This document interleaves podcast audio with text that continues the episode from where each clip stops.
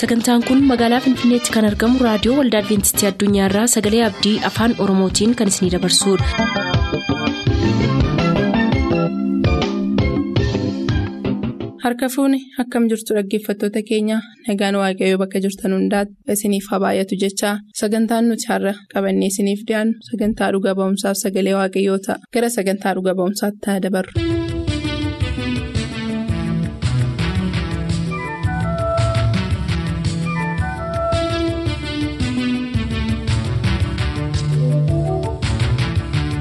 Nagaan keenya bakka jirtan maratti sinaa qaqqabu kun sagantaa dhuga ba'umsaati akkam jirtu kabajamoo dhaggeeffatoota keenya. Sagantaa kana jalatti torbee akka waadaa isiniif seennee turree dhuga ba'umsa barsiisaa lammeessaa kutaa dhumaa isiniif qabannee dhiyaanna jennee turre.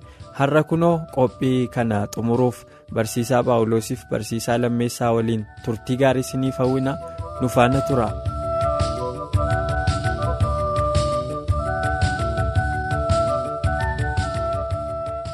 Mee gara xumuraatti barsiisa dhugaa kana akkamittiin hin qabadhaa jettu maal gochuutu namarraas isinirraas eegama. Egaa dhugaan sagalee waaqayyoo baroota kam keessatti kan nuti ilaallee waaqayyoo kan inni jiru dhugaa sagalee isaa wajjin. Dhugaan ani hubadhe kun addumaan immoo waa'een sanbataa dubbii sagalee waaqayyoo keessa kan jiru. Addumaan immoo waaqayyoo. Ilmaan namootaatii fi uumama erga uumee booddee guyyaa torbaffaa uumee ilmi namaa isa keessatti boqotee waaqayyo uumaa ta'uusaa akka inni yaadatu akka inni beekuuf. Abboommiin Israa'elootaafis yommuu kennamu ba'uu boqonnaa digdama irratti abboommiin inni afraffaa kan inni jedhu ani waaqayyo guyyoota ja'a keessatti. Waaqaaf lafa galaana wanta isaa keessatti argamu hundumaa nan uume guyyaa torbaffaatti immoo nan boqodhe. Atis maatiin keessa hojjetaan keessa guyyaa ja'a hojjedhu. Guyyaa torbaffaatti immoo guyyaan kun kan ana waaqayyo gooftaa kee waan ta'eef uumaa ta'uu koo kanatti ittiin yaadattu milikkita waan ta'eef isa kana qabadhu jedhe. Obboloota koo. Guyyaan kun guyyaa akka salphaatti nuyi ilaallee akkuma kana duraa ittiin hubanne miti. Guyyaa itti lolli bara dhumaa itti ka'uudha. Seexanni har'aa isa kana galmaan ga'uudhaa fi tokko seera waaqayyoo geeddareera. Geeddaramuu isaas immoo namoota barsiisee har'a nuyyuu isa kanaan barannee bara hamma kanaa ittiin gowwoomfamee tureera.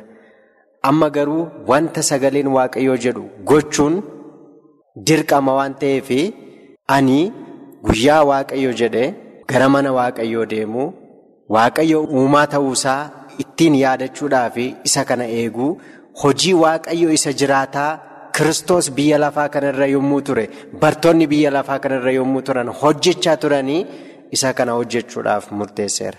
Gara murtoo kanatti kan na fide dhugaa.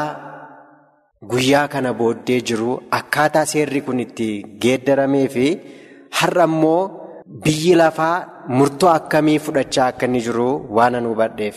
Kanaaf obboloota ko Kiristoos sanbata waaqayyoo eegeera. Phaawulos fa'aa sanbata waaqayyoo eeganiiru. Macaafni qulqulluu uumamaa hamma mul'ataatti guyyaa tokkoyyuu guyyaan sanbata waaqayyoo waaqayyoon guyyaa kanarratti waaqeffachuu.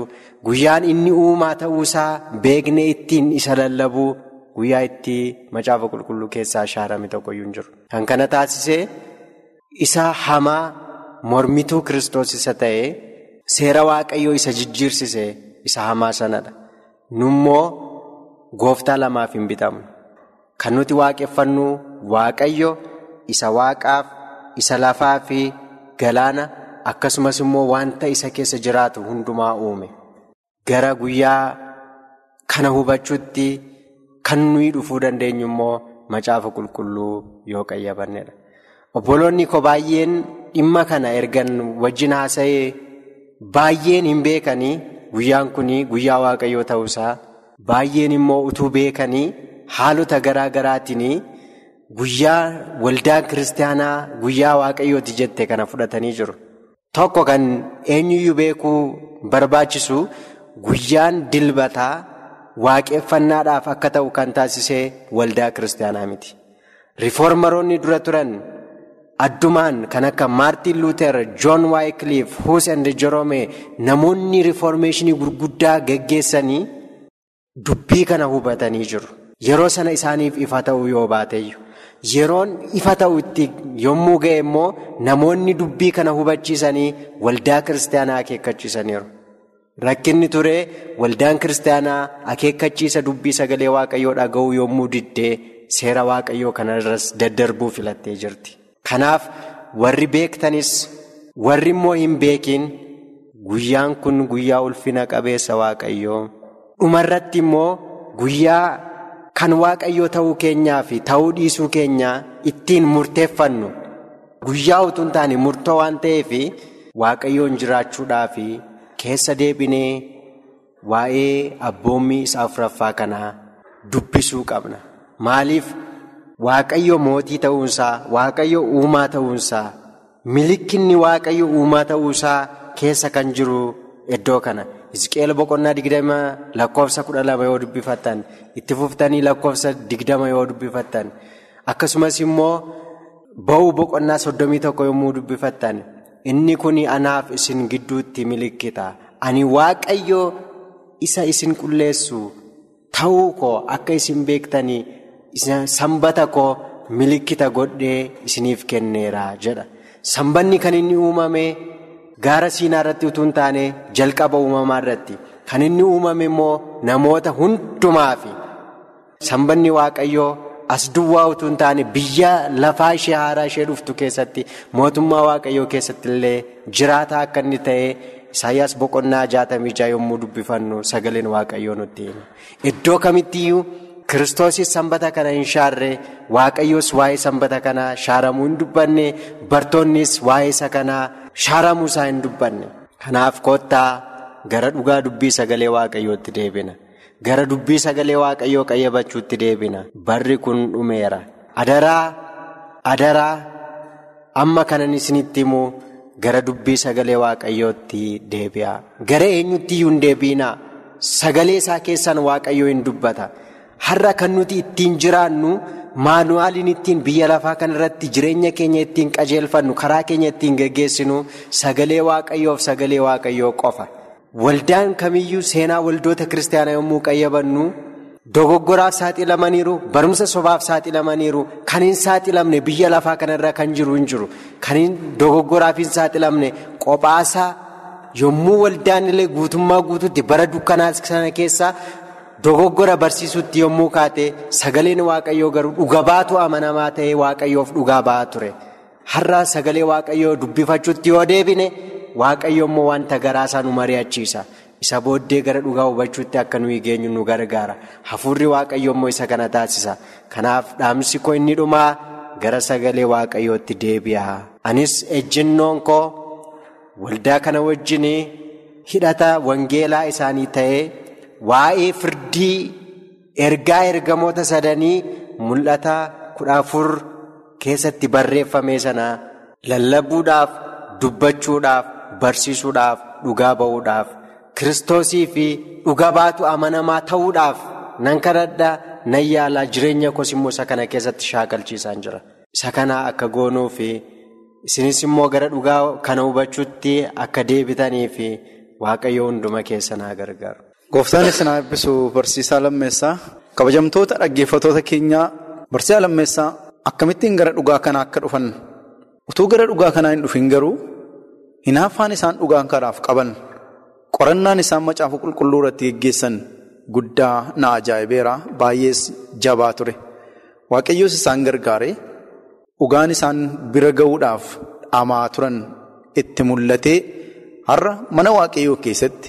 Iddoo sagalee waaqayyoo akkaataa waaqayyoo barbaadutti lallabamutti miseensa ta'anii tajaajilaa jiru. Dhaamsi nuyi isiniif qabnu walumaa gala bara har'a namoonni wangeela dubbisuu dhiisan keessatti wangeela keessan akka dubbifattan yommuu isin wangeela dubbifattan waaqayyoo gara dhugaatti gara dhugaa beekuutti karaa hafuura isaatii waan isin geggeessuuf dhaamsa kana jabeessinee isiniif dhaamu barbaanna. Hamma ammaatti. Torbanoota wal duraaf duubaan nuyi isiniif dhiyeessine kana keessatti obsaan turtanii waan nu dhaggeeffattaniif galanni keenya guddaadha. Yeroo kan biraa sagantaa kan biraa wajjin qabannee isiniif dhiyaannaa nagaan waaqayyoo bakka isin jirtanitti isiniif haa ta'u nagaan nuuf tura.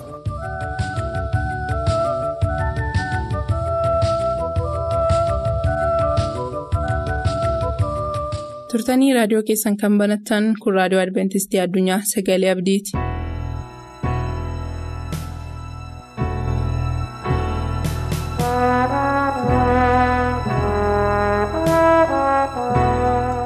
Kan jaalatamtan dhaggeeffattoota hawlota waaqayyoo dhiyoos fagoos baadiyaas magaalaas teessanii dubbii waaqayyoo dhaga'uudhaaf reediyoo keessan banattanii amma sagalee waaqayyootiif yeroo keessan kennuudhaaf.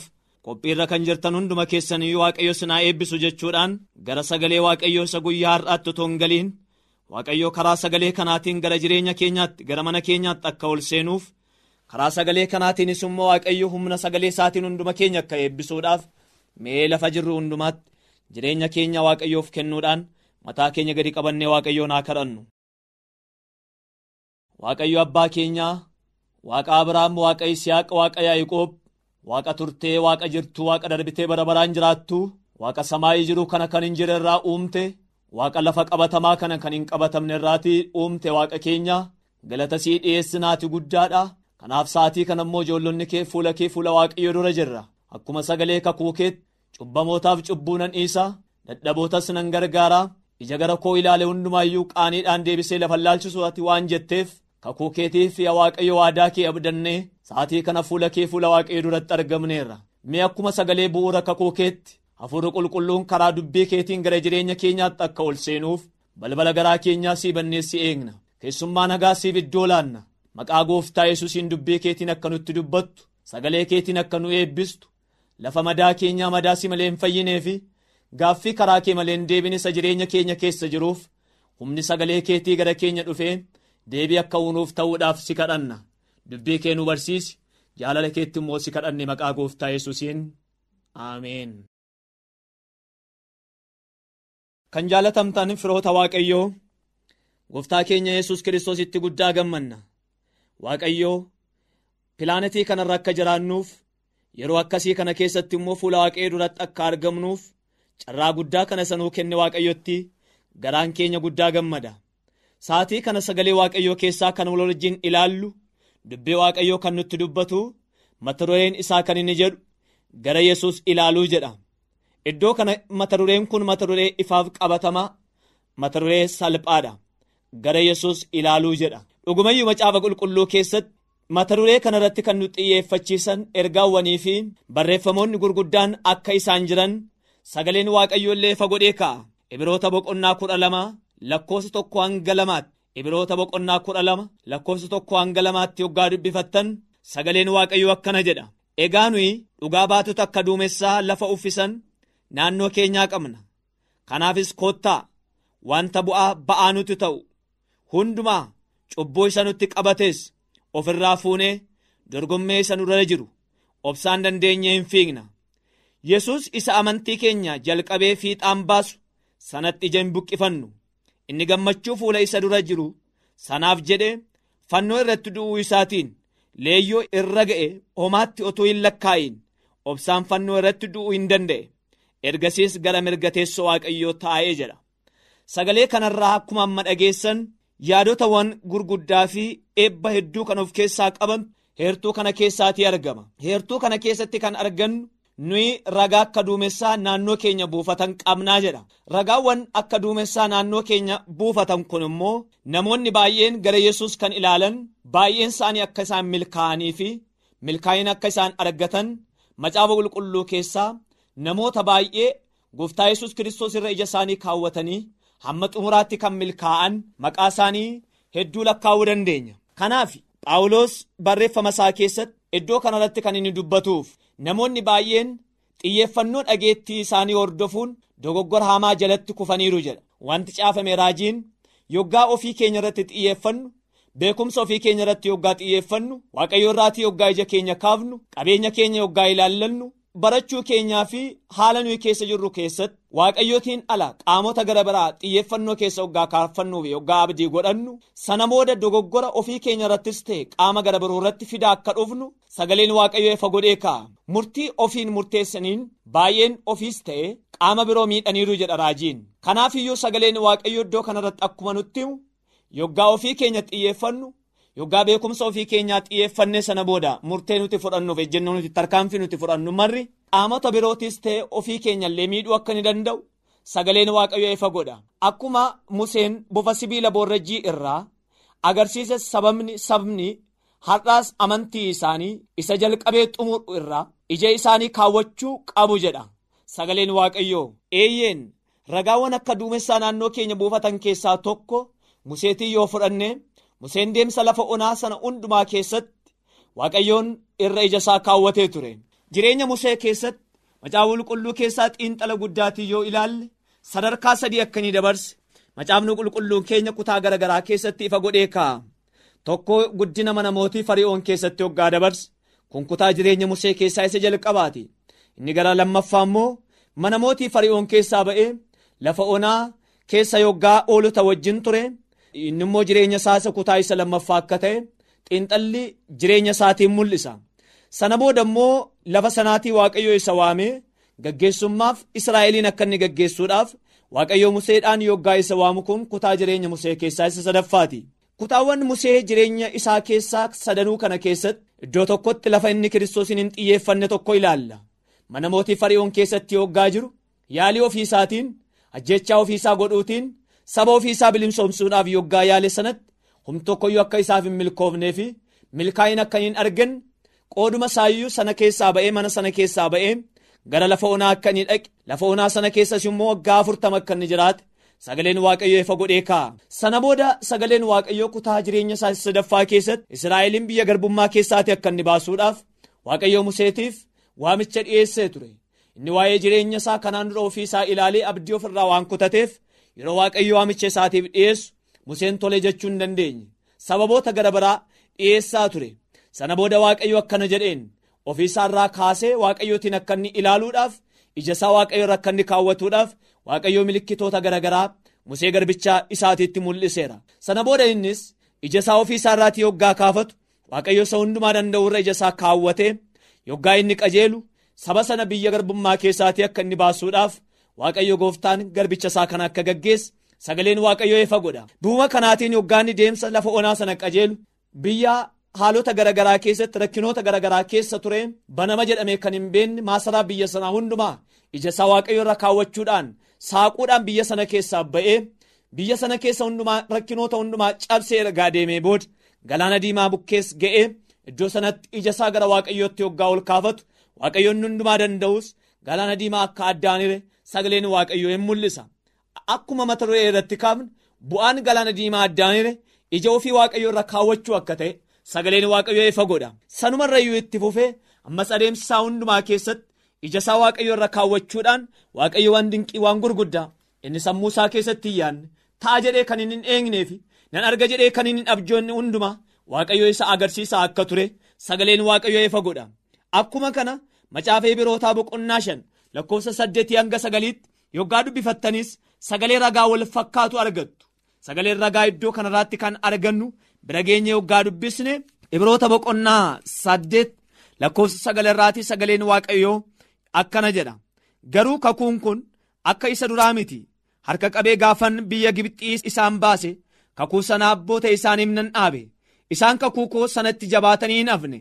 Anis jabeessee isaaniif hin yaanne jedha gooftichi jedha iddoo kanarratti waa'ee kakuuti.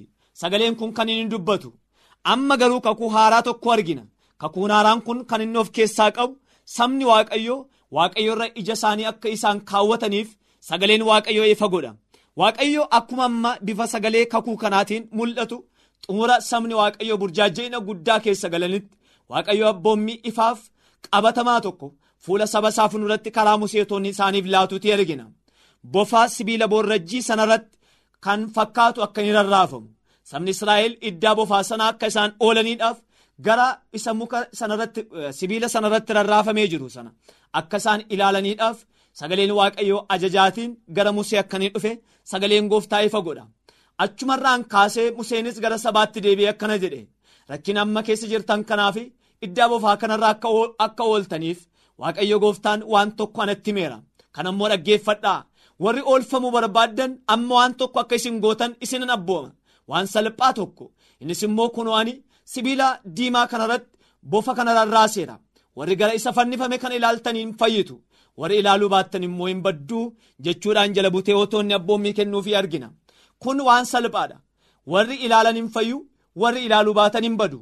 Warri gara isa fannifame sana ija isaanii ol kaasan iddaa bofaa sana jalaa badu warri ija isaaniitiin ilaaluu baatan immoo akkuma kana akka isaan badan sagaleen waaqayyo ifa godhee kaa'a ibiroota boqonnaa kudhan ibiroota boqonnaa lama lakkoofsa kudhan irratti illee du'a wal fakkaatuutiin sagaleen kakuu waaqayyoo maal akka ta'e phaawulos waa'ee ragaa akka duumessaa naannoo keenya guutan kana ifa godhee nuu kaa'a har'a saaluma wal fakkaatuun gara naannoo keenyaatti hoggaa deebinu sagaleen wal fakkaatuutu bara keenya keessatti dhaga'amaa jira.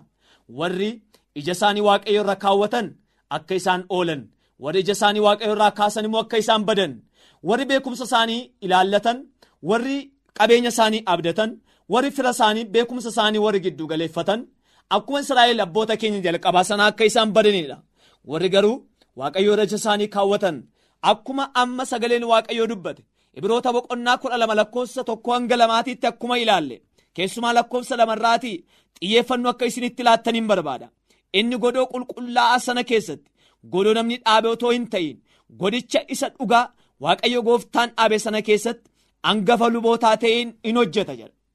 Hin hojjetaa jedha. Boqonnaa saddeet lakkoofsa tokko irratti eertuu kanadha kan isin argattan. Boqonnaa kudha lama lakkoofsa lama irratti immoo sagaleen waaqayyoo hin numti godoo qulqullaa'aa kana keessaa unuuf dhaabatee jiru waaqayyo akkaataa kamiin xumura keenya kan inni bareechuudhaaf dhaabatee jiru sagaleen waaqayyo ifa godhee kaa'a yesus isa amantii keenya jalqabee fiixaan baasu sanatti ija hin biqqifannu. Inni gammachuu fuula isa dura jiru sanaaf jedhee fannoo irratti du'uu isaatiif leeyyoo isa irra ga'ee homaatti otoo hin lakkaa'in obsaan fannoo irratti du'uu hin danda'ee jedha. Kanaaf iyyuu akkuma iddoo kanarraatti dubbifnu isa amantii keenya nuu jalqabee nuu xumuru sanarraa ija keenya buqqifannuu jedha phaawulos.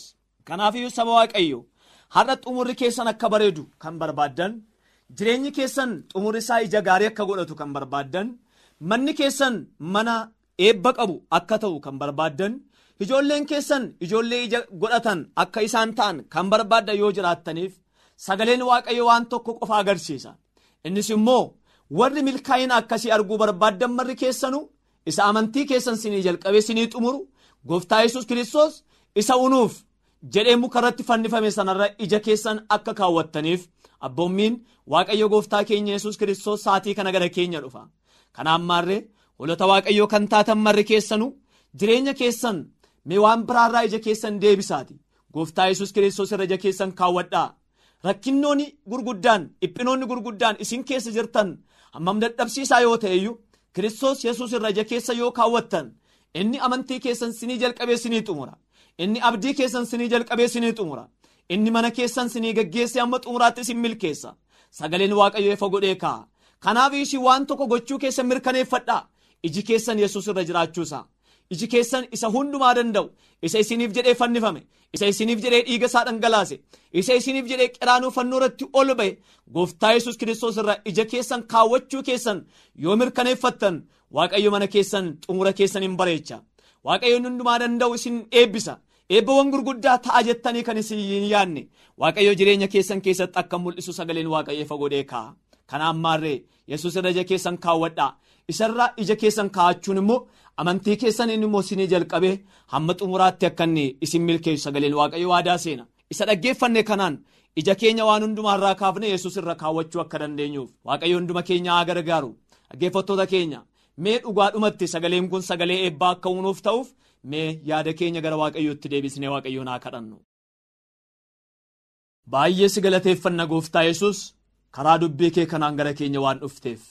Dukkanaa'ummaa biyya keenya irra bu'ee fi addunyaan daabiloosii waaqayyo gooftaa ittiin wal'aansoo nu qabu hundumaa keessatti burjaaja'ummaa jireenya keenya wal'aansoo qabu hundumaa keessatti sagalee tokkoon gara keenya waan dhufteef sagalee waaqayyootiin gara mana keenyaa waan ol seenteef nu waan hundumaarraa ija keenya kaafannee isa amantii keenya nuu jalqabee nuu xumuru. Isa abdii keenya waaqayyo gooftaa fiixaan nuu baasu. Isa kakuu keenya waaqayyo ija isaa nu agarsiisu. Gooftaa yesus kiristoos irra ija keenya akka kaawwannuuf sagalee yaadachiisa waaqayyo gara keenya waan dhufeef galata sii laanna yaa gooftaa amma nuyi uumama dadhaboodha waan taaneef si kadhanna. Ija keenya isa unuuf jedhee fannifame. Humna qoricha keenyaa isa ta'e humna amantii keenyaa isa ta'e humna abdii keenyaa isa ta'e kiristoos irra ija keenya kaawwachuu akka dandeenyuuf inni qulqulluun hafuura kee gara keenya godhee nu haa gargaaru.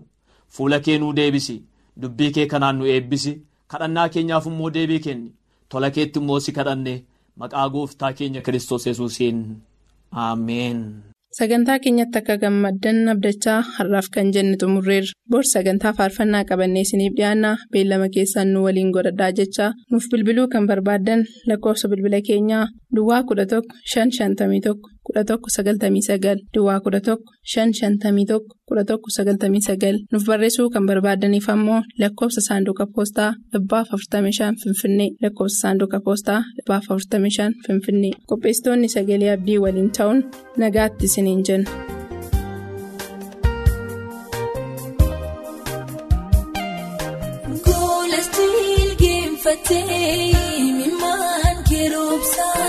Laphee cabaan aduu guddaadha.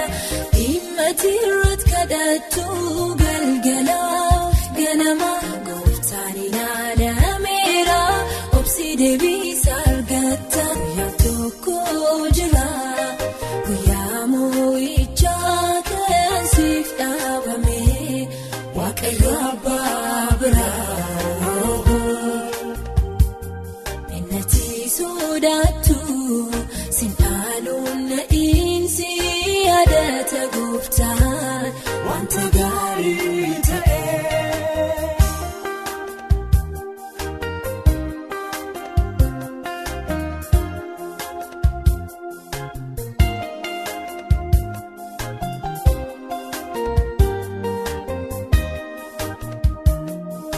Halarra keessa jirtu wajjin madaalte amanuu dadhabde sitti fakkaachuu didee.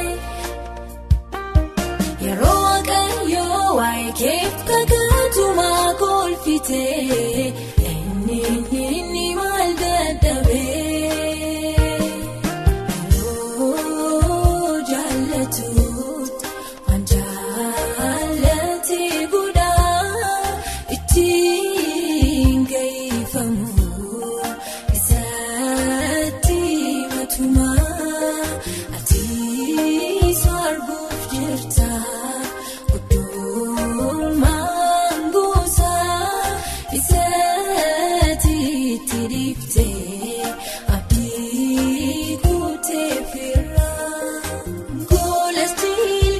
geeffattee mimaan keroobsaa laphee cabaan dhoosaatti aduu guddaadha.